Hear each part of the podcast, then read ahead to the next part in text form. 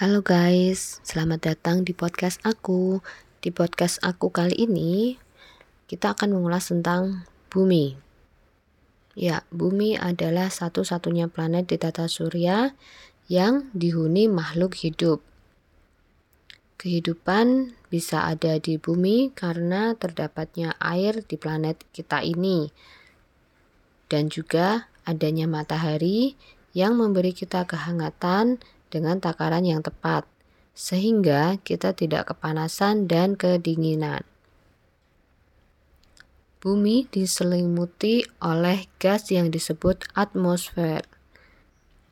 Atmosfer memberi kita udara untuk bernafas dan melindungi kita dari tumbukan meteorit. Sekian dulu tentang bumi ya guys. Sampai jumpa lagi di podcast aku berikutnya. See you. Bye bye.